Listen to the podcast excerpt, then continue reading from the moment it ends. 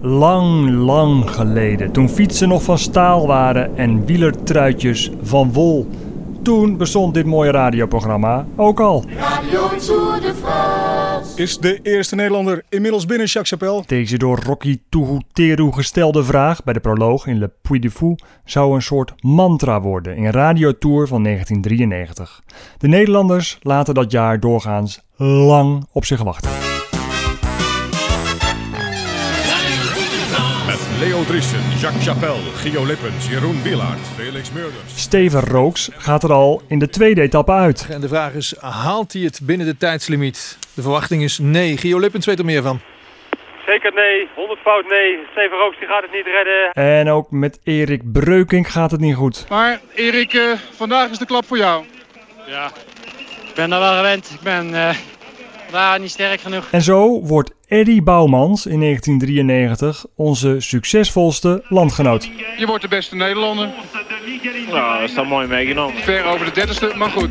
Restez à l'écoute avec Radio Tour de France. Gelukkig hadden we in Nederland de Macarena nog. Alhoewel niemand daar echt warm voor liep in 1993. Drie jaar later werd de Macarena pas een hit. Maar Felix Murders was zijn tijd ook in 93 al ver vooruit. Macarena van Los del Rio. Ik heb het al eerder gezegd, een grote hit in Spanje momenteel.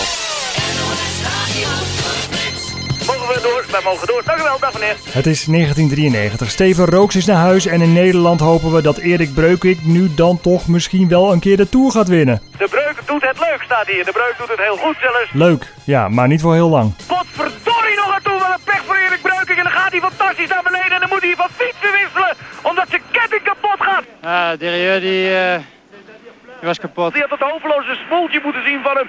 Pech, pech, pech voor Erik Breukink. In de tweede bergetappe verliest Breukink 10 minuten. En daarmee is de Tour voorbij. En dan eh, is dat toch een, eh, ja, een behoorlijke klap. Ja, ik ben daar wel gewend. Ik ben eh, daar niet sterk genoeg. Ik had geen kracht en eh, nou, dan gaat het niet, hè. Jan-Paul van der Meij is erbij. Met de blauwe transistorradio. Yo, wow, wow, wow, wow. Ja, zoiets.